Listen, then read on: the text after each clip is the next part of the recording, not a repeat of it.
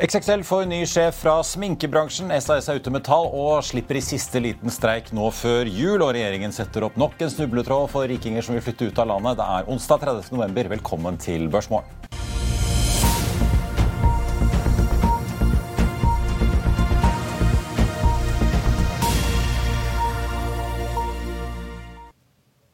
En riktig god onsdagsmorgen alle sammen, og velkommen til Børsmorgen her i Finansavisen. Mitt navn er Marius Lorentzen, og med meg har jeg aksjekommentator Karl Johan Målnes. Vi får også straks besøk av investeringsdirektør Robert Ness i Nordea. En tettpakket dag i dag, og vi får begynne med å titte kjapt på markedstallene. Hovedveksten på Oslo Børs endte opp 1,37% i går, etter et fall da på 1,2 på mandag. DNB Markets venter et eh, svakt fall på 0,1% fra start i dag, mens Nordnett ligger inne med et eh, estimat på en relativt flat eh, åpning.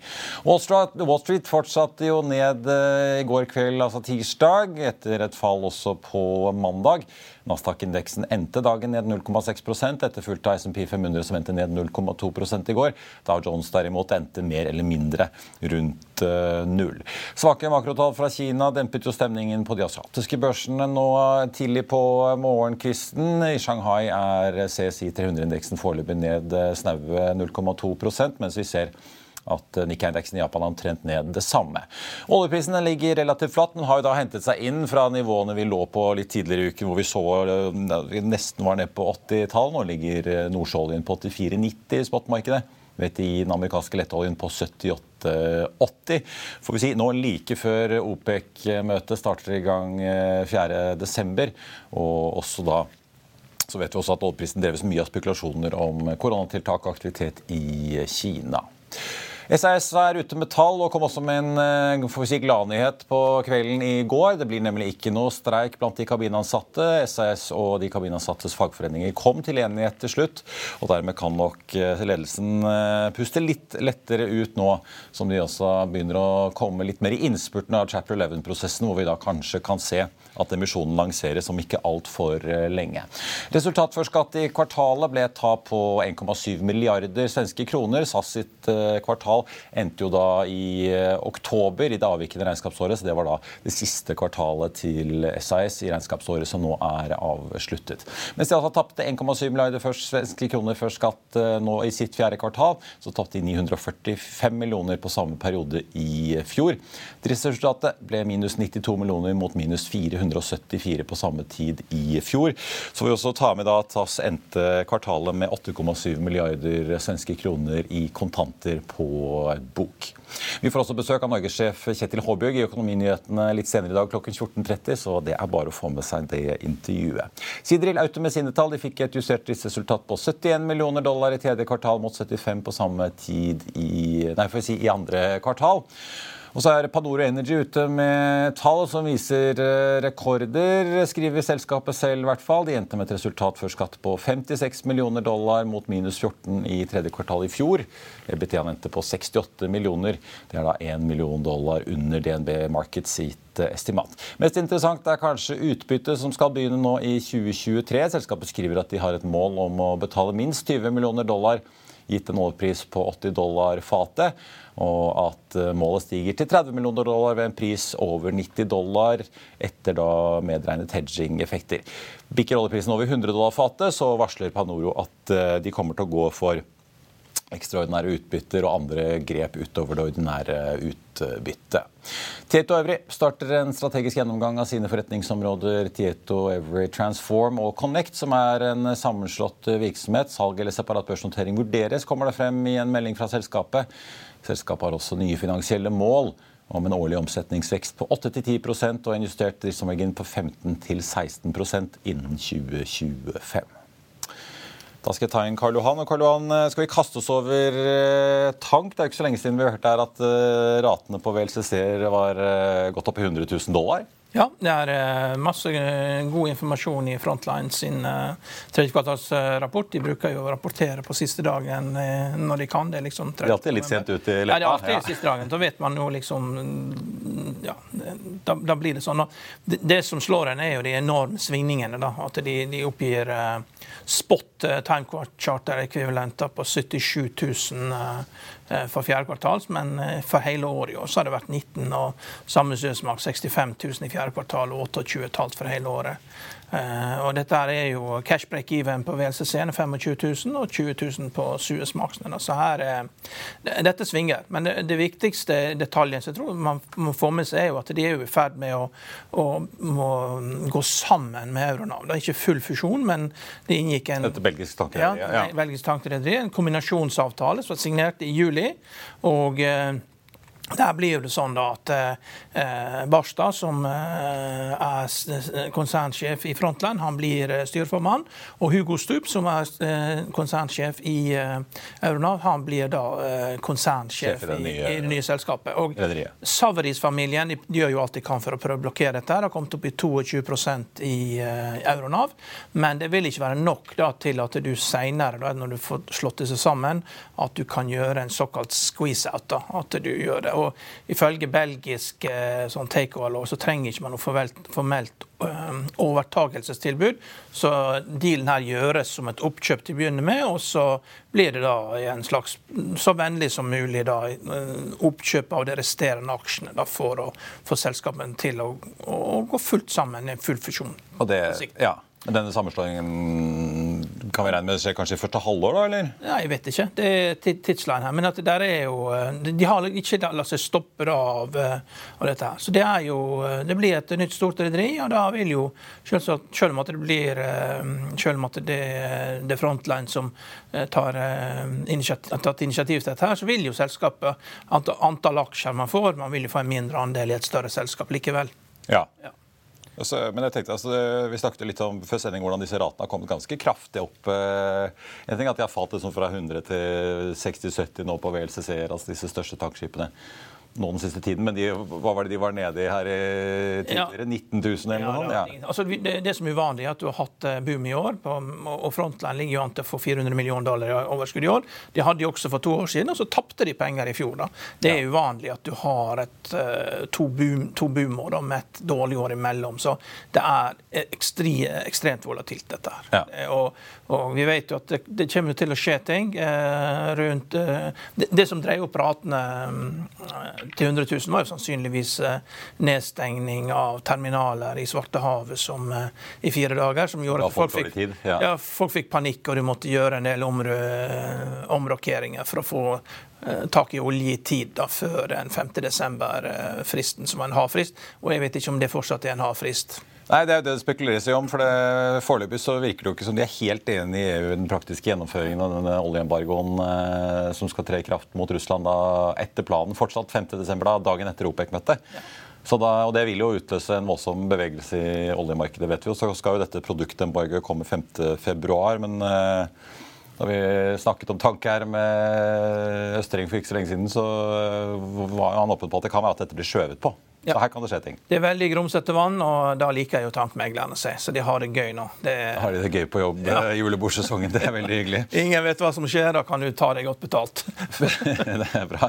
Frontline-aksjen den starter ned 2,5% på Oslo-børsen nå, på en hovedvekst som tikker oppover ja, nesten 0,2 Vi så 0,2 i sted, nå ligger vi opp 0,14-15 eh, SAS-aksjen starter ned 1,6% En eh, aksje som vi også holder et øye med, er Horisont Energi, hvor det foreløpig ikke har kommet noen noen eh, men de melder om at de har inngått en intensjonsavtale med da, tyske E.ON om CO2-lagring i industriell skala i eh, Nordsjøen. Så det er jo en aksje som er verdt å holde med på. De har jo tillegg til et eh, stort prosjekt i Benelux, i tillegg da dette Barents Blue-prosjektet som de jobber med ikke så langt unna Hammerfest for produksjon av blått hydrogen fra naturgass med CO2-lagring. Vi skal ta inn dagens gjest Robert Ness, og er tilbake rett etter dette. La oss i Finansavisen hjelpe deg med å holde deg oppdatert på alt som skjer i finans og næringsliv. Hver morgen er jeg, Marius Lorentzen, og aksjekommentator Karl Johan Målnes på plass i studio for å ta tempen på dagens marked i Børsmorgen. På ettermiddagen oppsummerer vi alt du trenger å vite i økonominyhetene, og så får vi selvfølgelig besøk av masse interessante gjester. Du finner oss på fa.no-tv, eller ved å søke opp Børsmorgen og Økonominyhetene der du hører på podkast.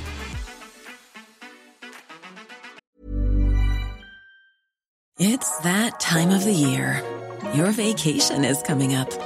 You can already hear the beach waves feel the warm breeze, relax, and think about work.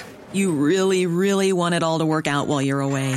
Monday.com gives you and the team that peace of mind. When all work is on one platform and everyone's in sync, things just flow wherever you are. Tap the banner to go to Monday.com.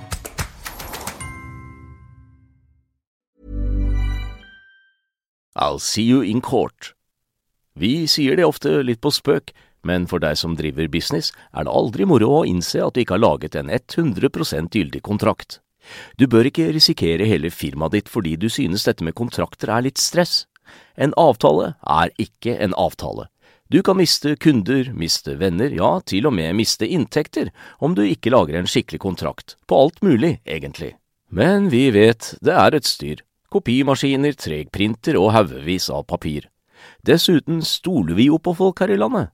Det er ofte litt kleint å skulle be om en signatur for alt mulig, ja, for mye av styret handler også om jakten på underskriften.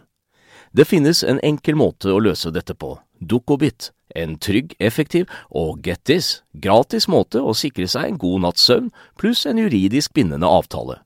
Dukkobit-appen har de strengeste sikkerhetskrav i bunn, samt en EU-godkjent og sertifisert teknologi. Framover vil det bli behagelig å spørre du, skal vi skrive under på det, eller? Kom i gang på dukkobit.no.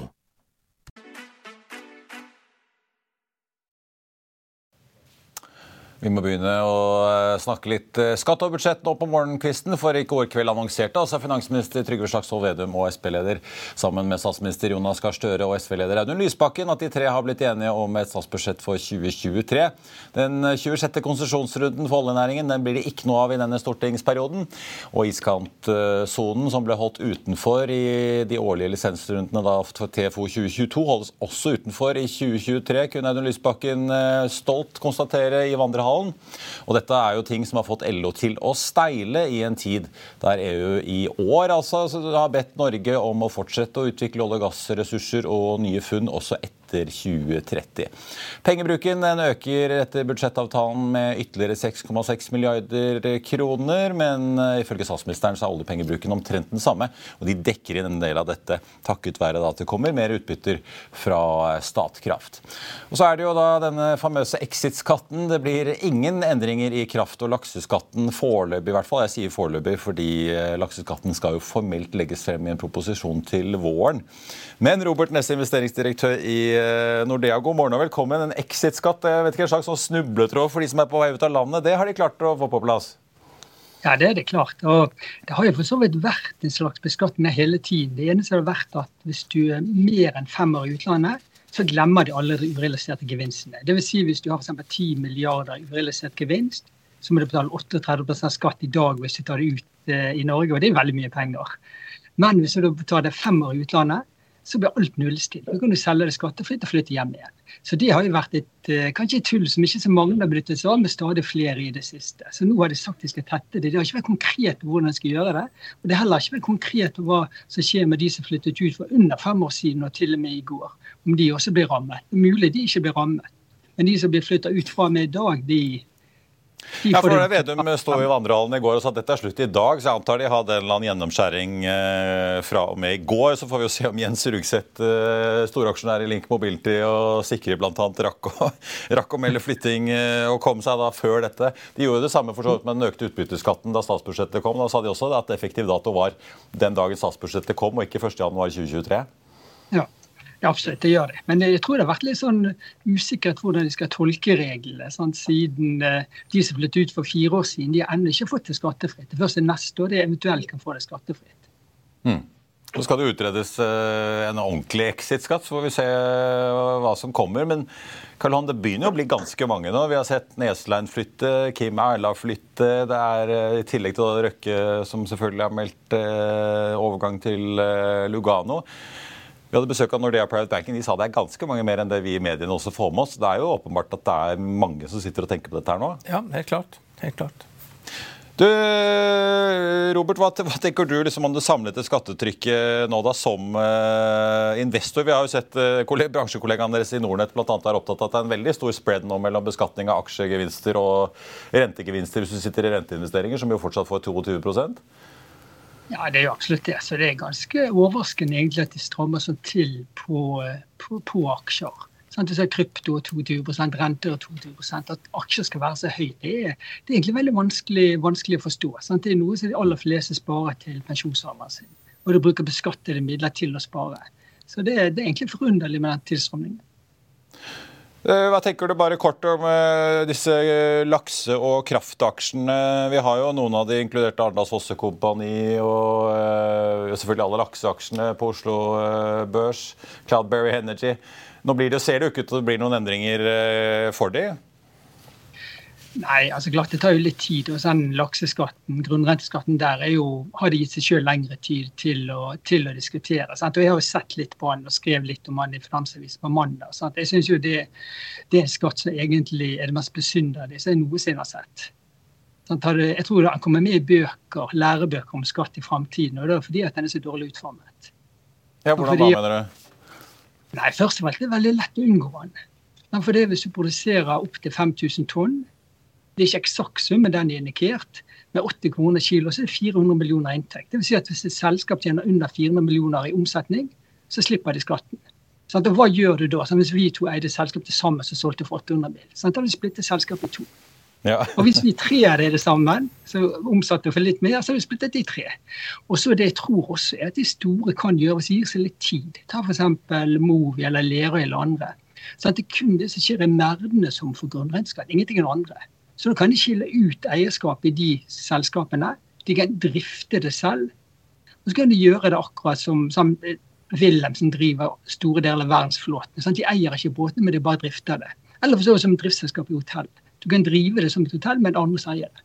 Så det kan egentlig, hvis de vil, så kan de i løpet av et år bare, bare ha en sånn modell. Og da er det ingen i hele, hele Norge som betaler grunnrenteskatt. Og derfor er det svak skatt, siden det er så lett å unngå. Det høres i hvert fall ut som det er mange KPMG, Deloitte og PwC som får mye å gjøre og utrede ymse selskapsorganiseringer fremover? Jeg tror det er lurt å begynne i det små med de minste og mest opplagte casene for å se hvordan det går og føle seg litt fram. Ja. Ja, det er et godt poeng. For det er åpenbart ja. at Finansdepartementet også skjønner at dette er en mulighet. Sant? Så, de ble ikke født i går, de heller? Nei. Ja, ja, ja. Nei, Det kan jo bli noen interessante krangler om eh, hvor fått på å si, kristreken skal settes eh, fremover. Det, må, det, er jo interessant i forbindelse med arv, da, hvis du har to sønner og et oppdrettsanlegg, og det er en som har bestemt seg for å få dette her, og så sier den andre sønnen at nå kan vi jo dele dette, her, det er best for alle. Ja. så han har jo fått et veldig godt argument, da. Ja, det er sant. Det blir veldig spennende for det. Du, Vi må kaste oss over eh, XXL, eh, dere. Ny sjef fra altså Freddy Sobin. Svenske, 41 år gammel. Eh, han kommer altså fra eh, spinkekjeden ja. Kicks. Kix. Ja. Skal begynne senest mai neste år. Ja, var, Jeg leste det på Twitter det var vel i går av en eller annen en som skrev 'Muskler er mannens sminke'. Ja. Så Det er jo perfekt overgang dette her da, fra sminkebransjen til XXL. Så han får bruke det som slagord. Ja. Mens Kix det er ikke noe smågreier, det, Robert. 230 butikker skriver XXL i børsmeldingen, fordelt over Norden, og er jo en del av dette Aksel Jonsson-konglomeratet i Sverige. Eh, hva tenker du om eh, ansettelsen? Nei, men Det virker som en veldig solid person. Nå skal ikke begynne før i mai, så det tar jo litt tid. Sant? Og XSL er jo en skute som går litt dårlig nå, sant? så de, de, trenger, de, trenger, at det ikke er noen endringer. Så, så det virker jo positivt, men klart, men det er jo, det er jo egentlig langt frem. nå. Ja. Ja, Hva tenker du om den, eh, altså den, aksjen nå? da? Nå er det jo fortsatt Stein Eriksen som skal fungere som uh, konsernsjef frem til han går tilbake til jobben som uh, finansdirektør. Men det var jo en, litt av en seanse på forrige kvartalsprestasjon der en av gründerne grillet ledelsen for åpent uh, kamera om både for høyt varelager og mange andre utfordringer de har. Ja, Det var imponerende å se inntjeningsutviklingen til XSL fram til 2016. Sånn, da var det god vekst, god inntjening. Og siden det har det vært litt sånn sørpe, litt sånn opp og ned og ikke noe spesielt. Sånn, så enten er det bare det at markedet var bedre da, de var en ny aktør, og så nå er de andre kanskje hermet etter de, og de er ikke så unike lenger. Eller så er ikke driften like bra som før. Men i hvert fall tallene er litt sånn trist lesing de siste fire-fem årene. Ja. Vi ser XXL-aksjen åpner så vidt ned 0,3% Vi må også kaste oss over Flyr-aksjene, Robert, som jeg vet du følger lidenskapelig med på. Nå har vi både fått et sjefsbytte i Flyr, og vi har fått nyheter fra SAS i dag om at de både unngår streik med Kabinforeningen, og de er også ute med tall som ikke helt overraskende viser at butikken går fortsatt i minus. Kanskje vi skal begynne med SAS? Anko van der konsernsjefen, har jo signalisert at denne emisjonen kan de sparke i gang en gang før etter nyttår, sannsynligvis kanskje i januar. 9,5 milliarder har de planlagt å hente inn. Tror du de klarer å hente så mye penger? Ja, så klart det er åpent. Du har jo veldig entusiastiske småaksjonærer der. Sant? De har jo priset høyere nå enn før de meldte chapter 11. Så, så, det at du har de entusiastiske småaksjonærene, kan gjøre det mer fristende for store å gå inn. For da har de i hvert fall noen å selge, selge, aksjene sine til. Så det kan jo være mulig. Men klart, taper du 7-8 milliarder i året, så er jo ikke 9 milliarder så, så fryktelig mye penger det heller. Sant? Og det er jo ikke akkurat bare under pandemien de tar penger. Altså Hvis vi ser de siste vel 20 årene, så har de tatt penger i seks av ti år. Altså det, ja, det, det, er liksom en forretningsmodell som egentlig år etter år viser seg, viser seg ikke fungerer. Så er det fascinerende at så mange småinvestorer er opptatt av de aksjene. Sant? De aksjene som de egentlig burde holde seg langt unna. Ja, ja, De hadde jo en god periode frem til pandemien, men så smalt de jo skikkelig. Og så klarte de jo aldri å restrukturere under pandemien, som de nå sitter og holder på med. da. Ja, altså Mange slet jo lenge før pandemien også. Sant? Norwegian var jo dyp krise lenge, lenge, lenge før pandemien. Så altså, SAS har jo alltid vært i krise. så det var de siste 20 årene. Men, men, det er fascinerende at eh, for ti år siden, når de gjorde restruktureringen, så fikk jo de beskjed av, av noen investorer i land om at det, Ja, i den 2012-krisen. Ja, og Da gjorde jo de en stor emisjon og fikk beskjed om at dere er veldig flinke, vi tror at dere klarer å rydde opp, men dere er ikke noen aksjer, dere må hente inn en obligasjon. da. Så det kom jo den preferansekapitalen med 10% rente, og den ble jo solgt ganske tungt tror jeg, i Sverige. Og, og eh, når det feiler, og, og, SAS var perfekt satt opp før pandemien i en slags sånn duopolsituasjon med Norwegian, at de hadde delt markedet mellom seg da med SAS med liksom eh, menn 50 år pluss hvite skjorter som betaler mye, og årskort og, sånn. Men, det markedet der, det er jo ned med Det leste i USA nå.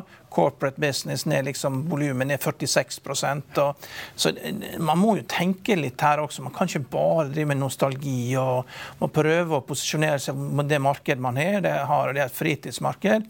Og Da bør jo SAS skalere ned i Norge. Det, jo, det, har jo ingen hensikt å være like stor som man var når uh, hovedkundene enten ikke drar på det møtet i Bergen eller Oslo eller Stavanger, kanskje sender det noen andre eller bare tar en telefon. altså det, Man lever andre liv enn man gjorde før pandemien. Det må man ta hensyn til. Ja, for Robert, det er jo ganske interessant. Nå har jo Norwegian vært ganske åpne på at de går rett i angrep på SAS for å prøve å ta mer av forretningsmarkedet. De er jo kjempestore på fritidsmarkedet, selvfølgelig. Kom ut av pandemien så å si gjeldfri og blid og fornøyd. SAS eh, er jo i denne chapter 11 opplever jo at forretningsmarkedet Det er jo i hvert fall ikke vekst, eh, og kanskje liksom en sånn svak strukturell eh, nedgang, men de er jo nødt til å opprettholde frekvensen. Skal disse store forretningskundene fortsatt ha disse reiseavtalene med dem?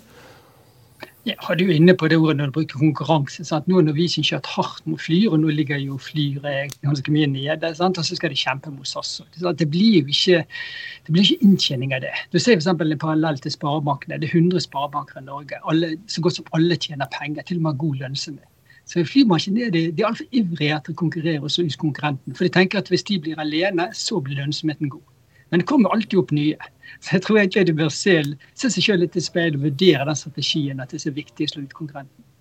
Ja, men Hva tror du om eh, Flyr? Nå hadde vi besøk av Brede Huser, den nye sjefen, også, som for så vidt, akkurat som i Norwegian, kom inn som finansdirektør og så rykket inn og, og tok over sjefsstolen, og som Tonje Wikstrøm Frislid ikke har på fredag. Han var jo ganske tydelig på at de eh, ser fortsatt for seg å kjøre denne reparasjonsemisjonen. Eh, og Så utfordret han jo på ok, men hva hvis du ikke får de pengene? Da, hva skjer da? Jo, da er det liksom, da er det mars som er make or break moment, for det er da disse opsjonene løper ut. og Det er da man ser om folk får benyttet de eller eller eh, ikke. Hva tror du kan skje med flyene nå? Er det, noen som kan komme, er det noe interesse for å komme inn da med mer enn de 250 millionene som Sissener og andre har spyttet, spyttet inn så langt? Jeg tror i hvert fall ikke på kort sikt. Altså Hvorfor betale sånn, Det er småsummer å betale med 0,07 øre, sant? men det er likevel 40 mer enn det du kan kjøpe på børsen. Sånn, Så det er ingen som vil tegne seg til, til, til ett øre nå. Så det, det kan du bare glemme. så Så må du bare vente. Og, og Det spørs jo hvordan ting ser ut, i, ser ut i mars. Men du skal gjennom noen veldig tøffe, tøffe måneder. Så det ser, det ser definitivt krevende ut for deg. Det gjør det. Ja. Dere, Vi skal straks kastes over eh, noen nyheter som kom på Wall Street i går. Men vi må ha en liten reklamepause. Oslo Børs har mistet litt av oppdriften og opp 0,07% Frontline mister ja, 3,8 eh, omtrent av eh, verdien ser vi nå fra start.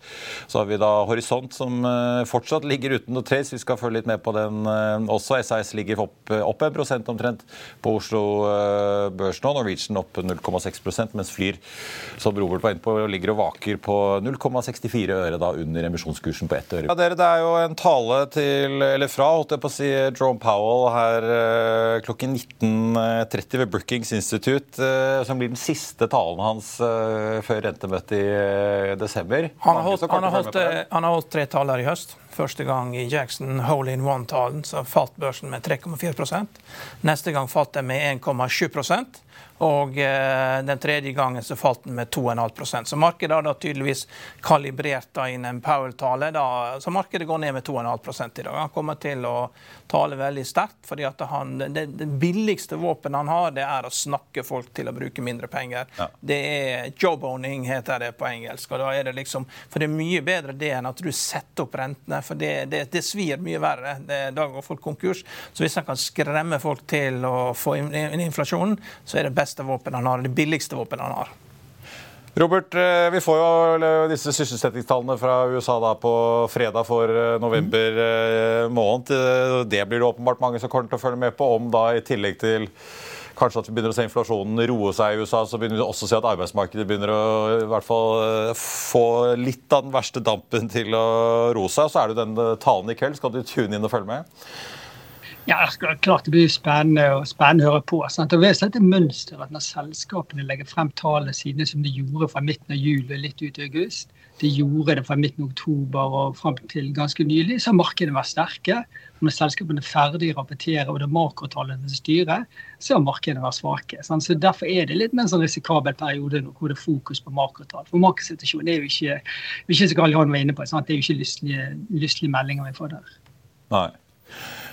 Et selskap som du bet deg merke i i går, eh, Karl Johan, CrowdStrike. Eh, jo, de driver jo innenfor noe som Telenor også driver og satser mye på om dagen, nemlig eh, cybersikkerhet. Dette er et av de mest populære selskapene. Falt nesten, ja. Eller falt 18 ja, Et av de mest ja. populære selskapene på børs, fordi de driver jo med internettsikkerhet. Og de har de største kundene i USA som kunder.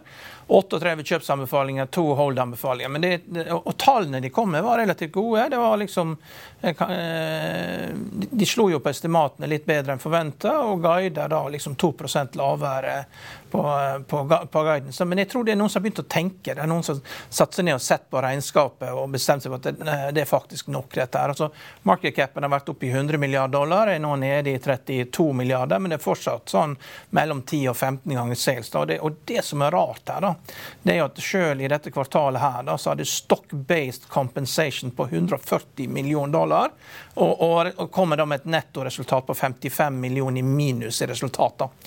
Og, og, de ansatte stikker, stikker av med all, eh, hele bunnlinjen og vel så det. Ja. 11. kvartalet liksom med 50 millioner dollar omtrent i underskudd. Og, og, dette her går jo ikke, ikke sant? Og, og, det som også det begynner å gå for folk, det er jo at Silicon Valley eh, Det er jo tradisjon for at de tar aksjer når det er gode tider, men skal, de skal ha kontantbetaling når det blir dårlige tider. Så på et eller annet tidspunkt, da, denne stock-based compensation, da, det blir cash. Eh, ellers så stikker ingeniørene. For det, du, du kan ikke du kan ikke holde på folk i evig tid med sånn golden handcuffs med vested interest. Sånn. Du har hatt et selskap som har eksistert i ti år. Du, du må hele tida fòre de på med kompensasjon. Og når aksjen ikke funker lenger, så må du over i cash. Og da taper dette selskapet masse penger. Den aksjen her skal langt ned. Mm. Selv om uh, Amazon og Meta driver og nedbemanner, så sier at han, er, er fortsatt selectively hiring, som man sier. Det er bare å google hva han sa, han tidligere sjefen i Sun Microsystems, uh, når han fortalte 'What were you thinking?' ikke sant? Når du kjøpte aksjen din for ti ganger sales. Det er helt crazy. Så alt over det, det er crazy. Robert, denne aksjen CrowdStrike var jo litt interessant. Den var jo ned 30% year to date, da, omtrent som Nasdaq-børsen selv før disse tallene. Men jeg ser jo at annual recurring revenue falt fra liksom 54% årsvekst på den tiden i fjor til nå Nei, 67 unnskyld, på denne tiden i fjor til 54% nå. Vi har jo sett mer, flere av disse store tech-selskapene innenfor skytjenester og ulike liksom, software as a service. Du ser veksttaktene begynner å roe seg? Ja, de gjør det. Og, og Derfor rammer det de som er høyest priset. F.eks. innenfor datasikkerhet så har vi kjøpt en aksje som heter Checkpoint. Den, den, liksom leverer på god inntjening. Sant? og Den er jo den er opp i år. Sant? Så segmentet er opp. Men klart, så denne aksjen var, var høyt priset, det var mye forventninger. Da skuffer de lettere. Som vi så det med Netflix i januar. Sant? og skuffet de på veksten. Og, og Meta er definitivt skuffet. Så, så, markedet er veldig streng hvis du ikke leverer opp til forventningene. Sant? Da blir det veldig hardt straffet.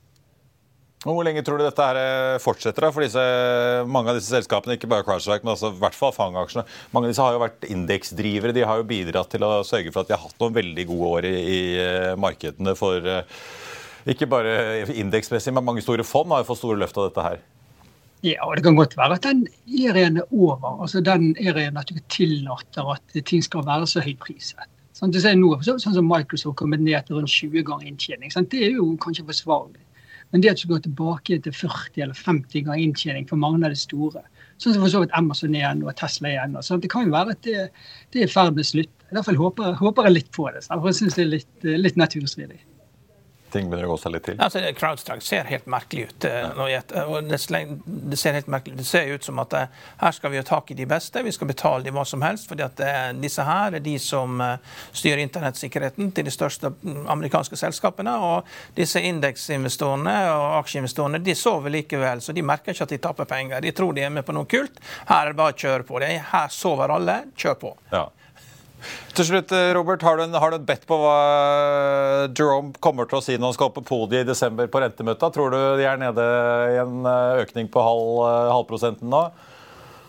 Så det er vel halv prosent som markedet venter, men jeg har ikke noe sånn, jeg følger egentlig mye mer med på enkeltselskap og aggregere inntjeningsestimater enn en, en, en gjør på makro. Det er så mange som ser på makro. Så det er egentlig mer sånn, mest fokus på, på, på selskap aggregerte tall der mest kveldsunderholdning på CNBC for de som er interessert i sånt. Absolutt. Robert Næss, investeringsdirektør i Nordea, tusen takk for at du var med oss fra si, headquarters i Bergen, som vi kan se bak deg. Ha en riktig god dag. Takk for det. Eh, på tampen så tenkte jeg bare å ta med Meltwater, som opplyser at gitt den pågående gjennomgangen av strategiske alternativer, så har selskapet da ikke tenkt å gjennomføre en eh, conference call eller komme med noe aksjonærbrev eller gi noe finansiell guiding i forbindelse med selskapets da rapportering for tredje kvartal, som vil bli sluppet på nettet da etter børsens stengetid 16.30 i dag. Så har vi også noen ferske analyser som har kommet de siste døgnet på tampen her av Wilco LNG. Der er Pareto ute og jekker opp kursmålet fra 10 til 14 14 kroner gjentar kjøpsanbefalingen.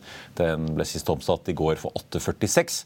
Deutsche Bank har regnet litt på Yara. De nedgraderer anbefalingen sin fra kjøp til hold. Opprettholder kursmålet på 500 kroner. Aksjen nevnte i går på 465. Og så nevnte jeg jo Telenor som satser på, på eh, å vokse innen cybersikkerhet. Der er HSBC ute og kutter kursmålet fra 125 til 105 kroner. Gjentar hold-anbefalingen. Den aksjen ble sist omsatt da for 97,92. Frontline, som er ute med talldag, ned 4,1 SAS eh, har også sluppet tall, og det har også varslet at de har blitt enige med kabinfagforeningen og dermed unngår en streik. De er eh, opp 0,4 eh, nå. Konkurrenten flyr ned halvannen.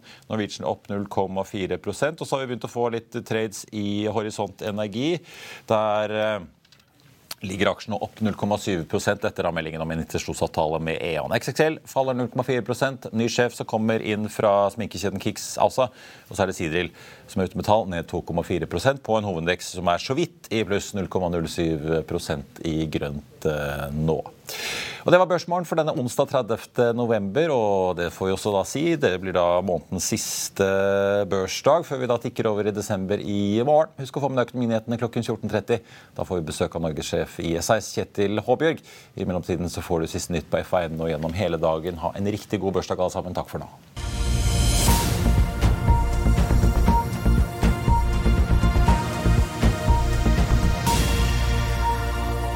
Økonominyhetene er en podkast fra Finansavisen. Programledere er Marius Lorentzen, Stein Ove Haugen og Benedikte Storm Bamvik. Produsenter er Lars Brenden Skram og Bashar Johar. Og ansvarlig redaktør er Trygve Hegnar.